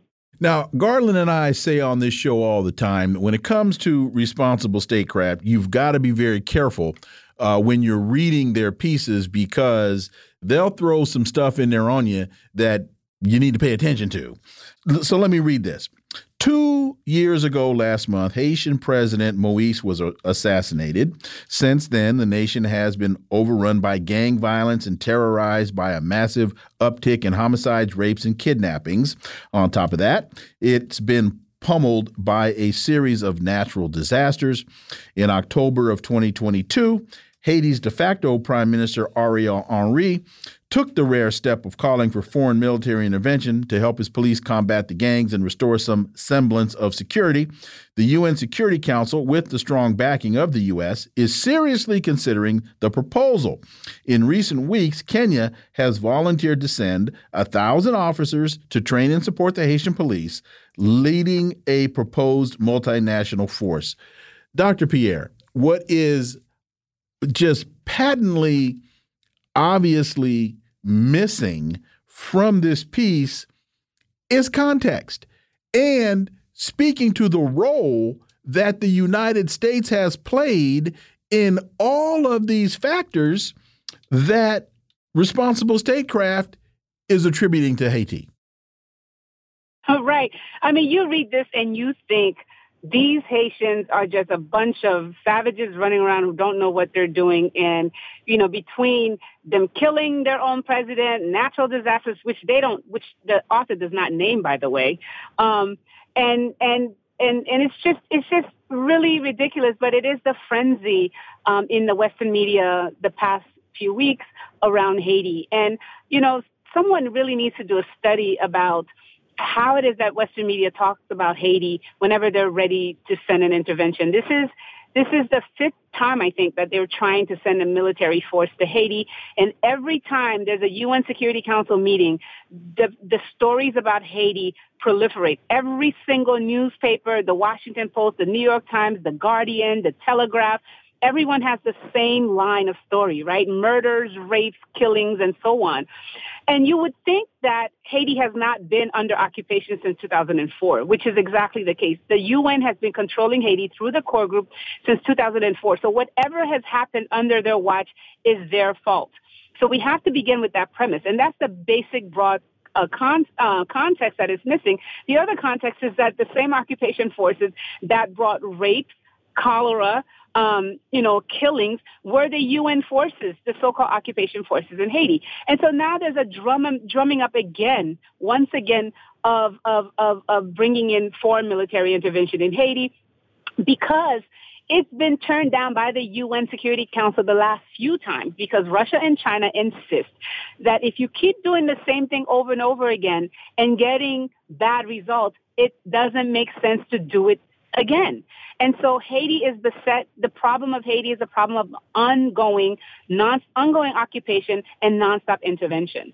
And so, of course, responsible statecraft is basically is no different than the Washington Post and the New York Times because they're all working in lockstep. They all got the same memo and they're all writing the same story. Uh, what's interesting here is they say, which appears that they're going in the right direction, but there's a, a an issue. Hey, uh, Haiti is stuck in a rut where you have an illegitimate, repressive, corrupt government that the U.S. is supporting. Well, they got it all of it right except one part. It's not that the U.S. is supporting it; it's the U.S. installed and maintains power. So they pretend as though, well, there's this bad government with these bad people, and the U.S. is making a bad decision of supporting that government. They shouldn't support it, not actually uh, exposing that it's the U.S. that keeps this government government in place, the U.S. that rubbed out the last leader who wasn't even a legitimate government. And so it takes away the malevolence of the U.S. empire when it comes to Haiti. That's it, that's exactly right. I mean, it, it is you're it is true. I mean, the the way that the press lies is through omission and and and redirecting the the the, the real story, right? And so we know that Ariel Henry was imposed by the core group after the Biden administration sent a high level delegation soon after the assassination into Haiti and demanded that Ariel Henry would be the one to replace um, to, to to be the prime minister, which is an unelected government. The reason that Haiti has no elected officials is because Haiti has been under occupation since 2004. The U.S. forced the PHTK, which was the right-wing neo-Duvalierist party, onto Haitians in 2011. Hillary Clinton left the Middle East, flew to Haiti, and threatened the sitting president at the time with uh, exile if he did not allow um, this Michel Martelly that they brought in to be president.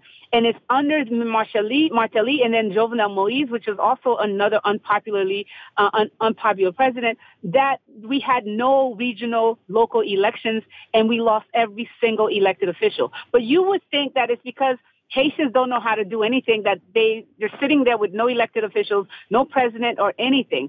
And so, and so, if if this context is not being told over and over again, um, we're gonna people are gonna um, you know support this intervention, which is why also I think the people on the African continent don't know what's going on in Haiti because they only listen to you know CNN International and they believe the hype around the fact that Haitians can't control themselves and they believe what the West is telling them, thinking that Kenya sending, um, you know, doing the job of the neo-colonial government, sending a thousand um, um, troops all the way from East Africa to Haiti, thinking that that's a form of Pan-Africanism, when instead it's really them being um, the neo-colonial boots for, for empire.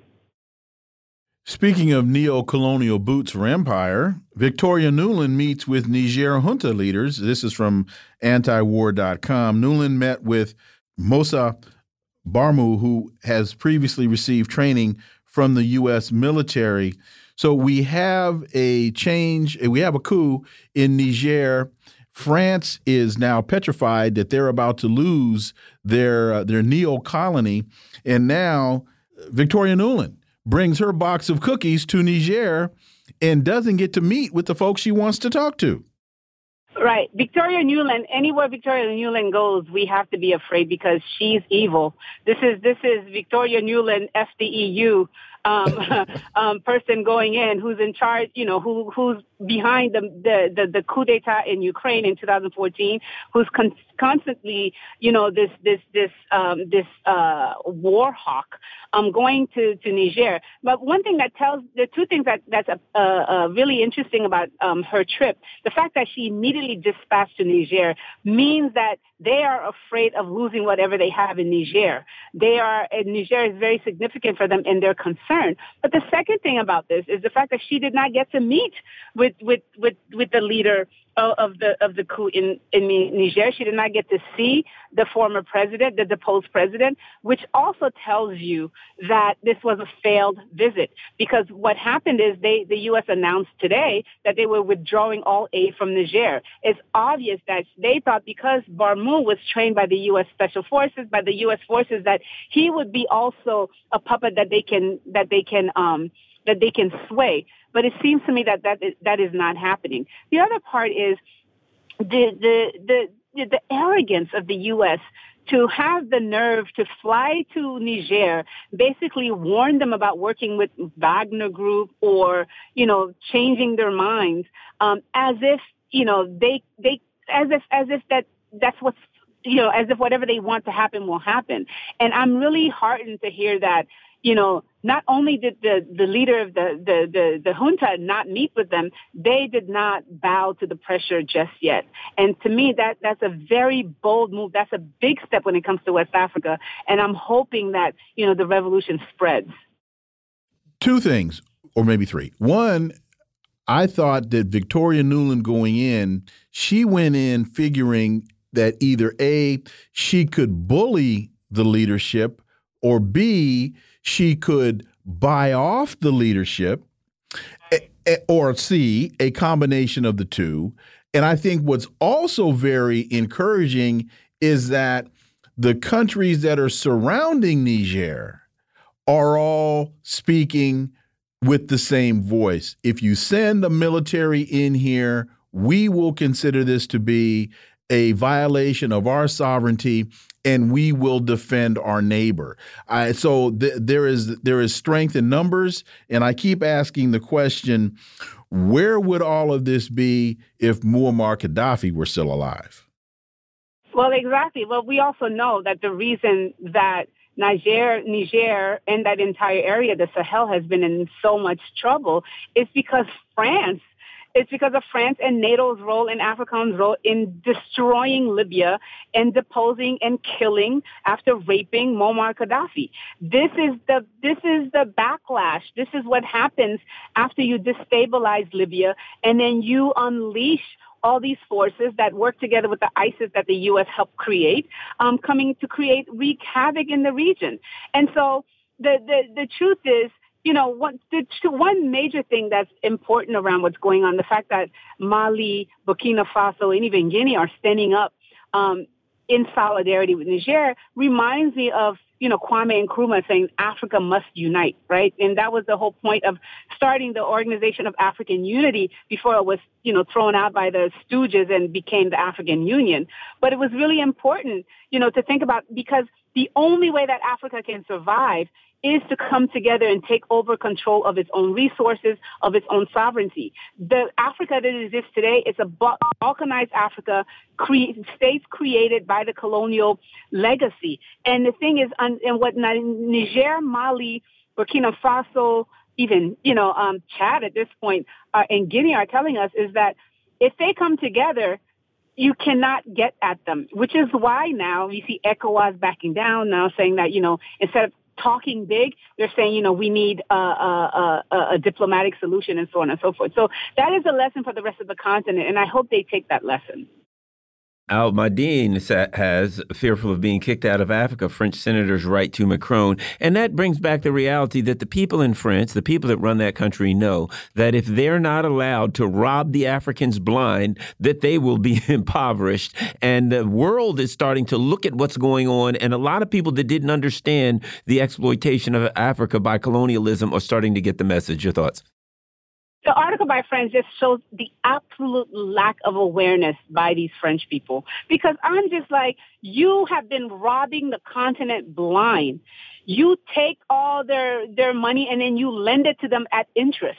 and so it's just, they've been living off of the Africans. They take they take Nigerian uranium, they buy it from Niger at eleven dollars um, per, you know, whatever, pound, whatever, $11 per unit, and then sell it at a market rate at $218. They've been robbing the continent blind. They've killed 1.5, they killed 1.5 million Algerians during the colonial war of resistance.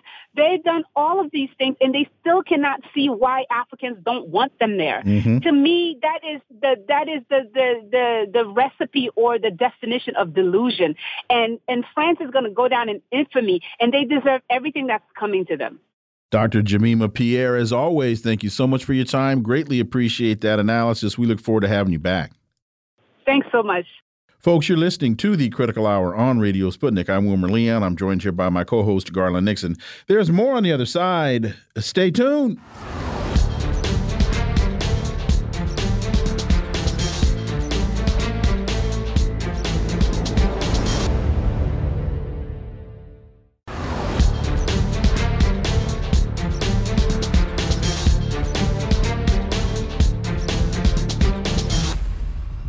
We are back, and you're listening to the Critical Hour on Radio Sputnik. I'm Wilmer Leon, joined here by my co host, Garland Nixon. Thank you, Wilmer.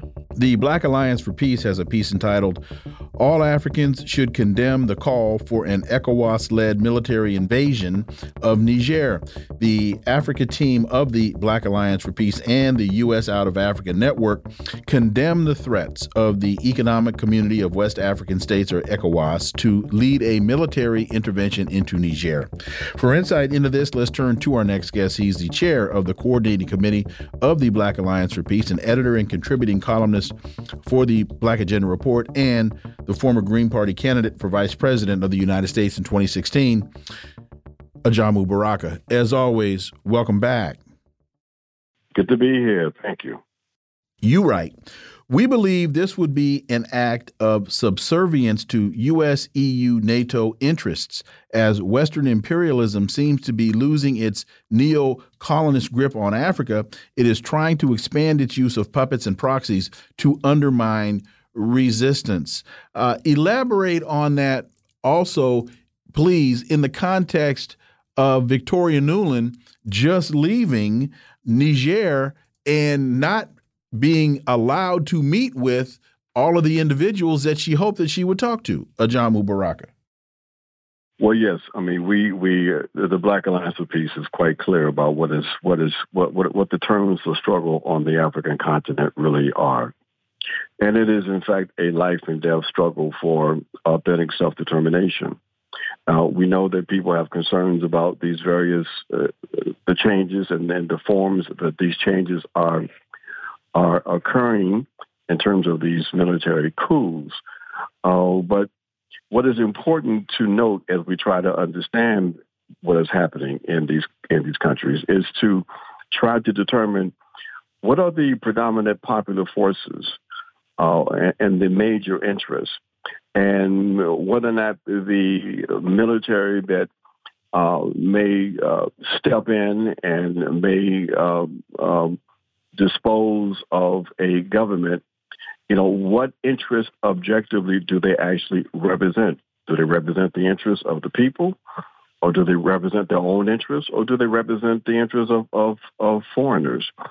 So the, the nature of what it seems to be uh, uh, unfolding in Niger is that this is a popular move um, on the part of the military, uh, but is a move that has, in fact, um, uh, uh, create real uh, anxiety for Western powers because of the changes taking place in West Africa, in particular, the changes that have resulted in the French being expelled from another, a, a number of countries. And now in Niger, where the French and the U.S. are facing the possibility of being expelled from that country. So Victoria Nuland was sent in to uh, try to uh, reverse that, to get a better understanding of, of what is unfolding, and to probably even to threaten uh, the the new government.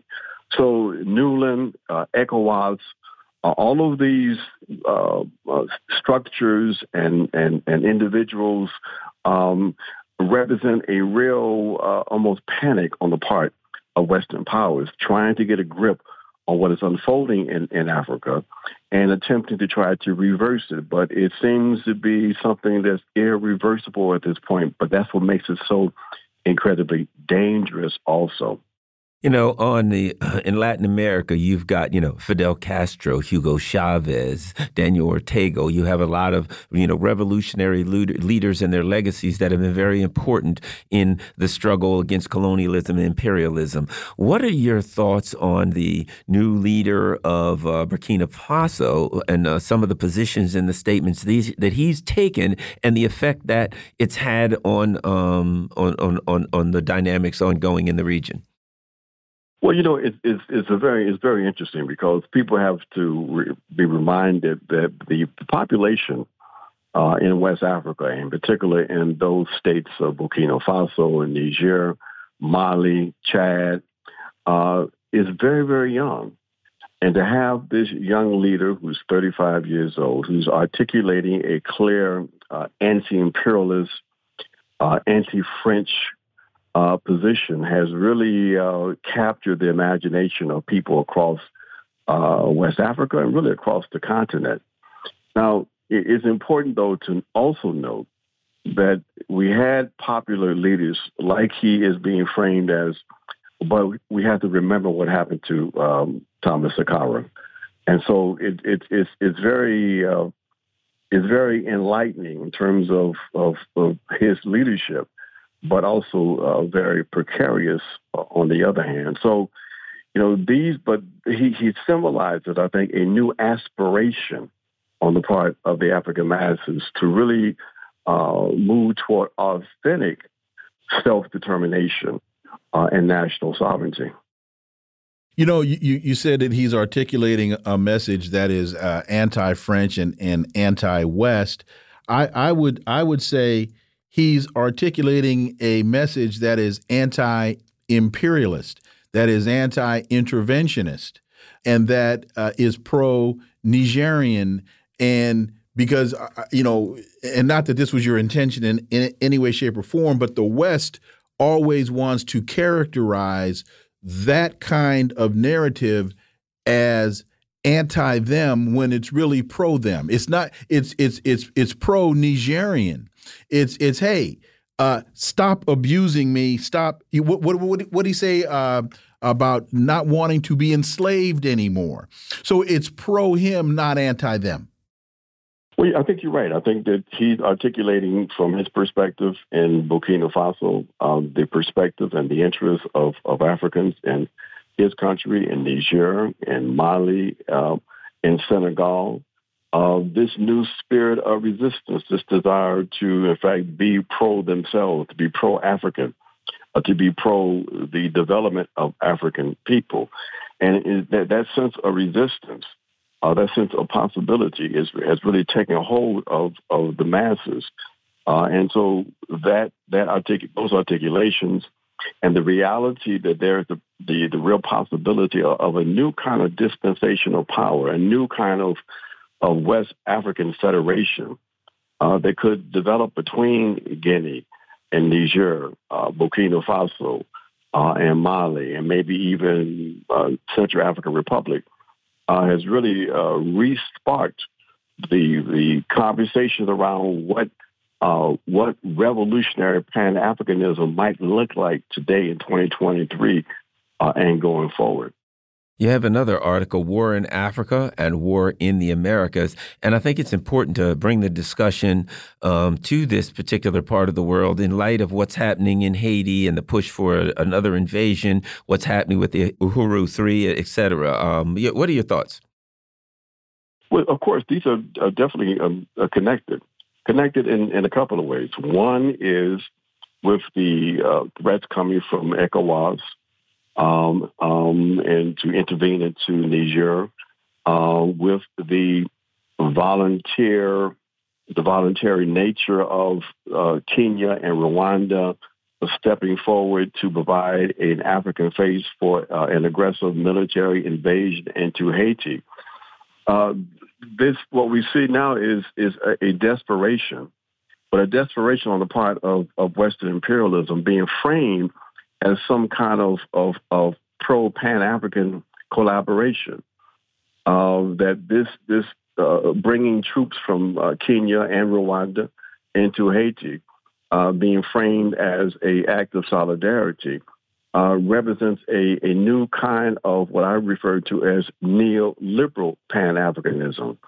And these these acts, the the the statements by ECOWAS, the decision to uh, to move uh, troops uh, from Kenya and Rwanda, are all being uh, fronted by a, a, a, common class, a petty bourgeois and bourgeois African uh, misleadership, if you will, on the African continent, uh, with the misleadership in Haiti. Um, and it just reflects the the the contradictory class issues that uh, African radicals and revolutionaries must acknowledge and deal with. I will go further and can then connect that to what is happening with Cop City, for example, in the United States of America. Again, this professional administrative class, this petit bourgeois, if you will, uh, that these are the elements that are fronting for white power in the U.S., fronting for militarized white power in Atlanta and across the United States of America. So these are the, the common characteristics that link all of these struggles together. That this, these these struggles are linked by a, a role being played by the uh, African uh, petty bourgeoisie uh, in the service of international capital uh, under the the uh, guidance and leadership uh, of the U.S. ruling class. So these are the things that are beginning to become to become more apparent to people that one cannot just attempt to understand what's happening with the uh, cop city in Atlanta without understanding why you have intervention in Haiti and why you have the U.S. prepared to support intervention in um, in Niger that these are the linked together struggles on the part of the Western nations to try to maintain their hegemony of this uh, EU, uh, NATO, U.S. Uh, pan-European uh, colonial project. And and we've got just about two and a half minutes left. You talk about neoliberal Pan Africanism, but also talk about the role that the CBC, the Hakeem Jeffries of the world, and the Kamala Harrises of the world are playing in validating and promoting this as you know Kamala Harris goes to the CARICOM meeting and champions this whole idea of putting an African face on the U.S. backed and Canadian backed uh, intervention or in, in invasion of of Haiti. Well, you know, it's interesting because she went to the uh, she went to the Bahamas earlier and tried to persuade um, uh, forces in the in the Caribbean to provide a cover on U.S. intervention. It was at that point rejected, but as a, as a consequence of incredible pressure being applied by the U.S. by July, uh, they reversed themselves. But then they brought in the U.S. brought in the big guns, Hakeem Jeffries, and brought in Paul Kagame from Rwanda um, and Anthony uh, Blinken. And they decided to be the front persons for white power uh, with the intervention into Haiti. So this is the role that this class plays. That's what we're trying to get at. That if you don't have a framework for understanding the role of this class and understanding class struggle, you're not going to be able to engage in the kind of black politics that will be of any real relevance and importance uh, to African or black people uh, in this country and globally. And just quickly uh, explain neoliberal Pan Africanism. Here we have uh, a, a, a, cooperation among African people under the, the tutelage of Western imperialism, and they frame it as though it's, it's an act of Pan African solidarity. But what they're doing is advancing the interests of the enemies of African unity, African real solidarity. So it's part of the, the, the consolidation of the neoliberal global domination, but now in blackface. Ajamu Baraka, as always, thank you so much for your time. Greatly, greatly appreciate that analysis, and we look forward to having you back. My pleasure. Thank you. Folks, you've been listening to the Critical Hour here on Radio Sputnik. Thank you for allowing our voices into your space. On behalf of myself and my co host, Garland Nixon, we hope you were informed and enlightened. We look forward to talking with you all right here tomorrow on Radio Sputnik. Be safe. Peace and blessings. We're out.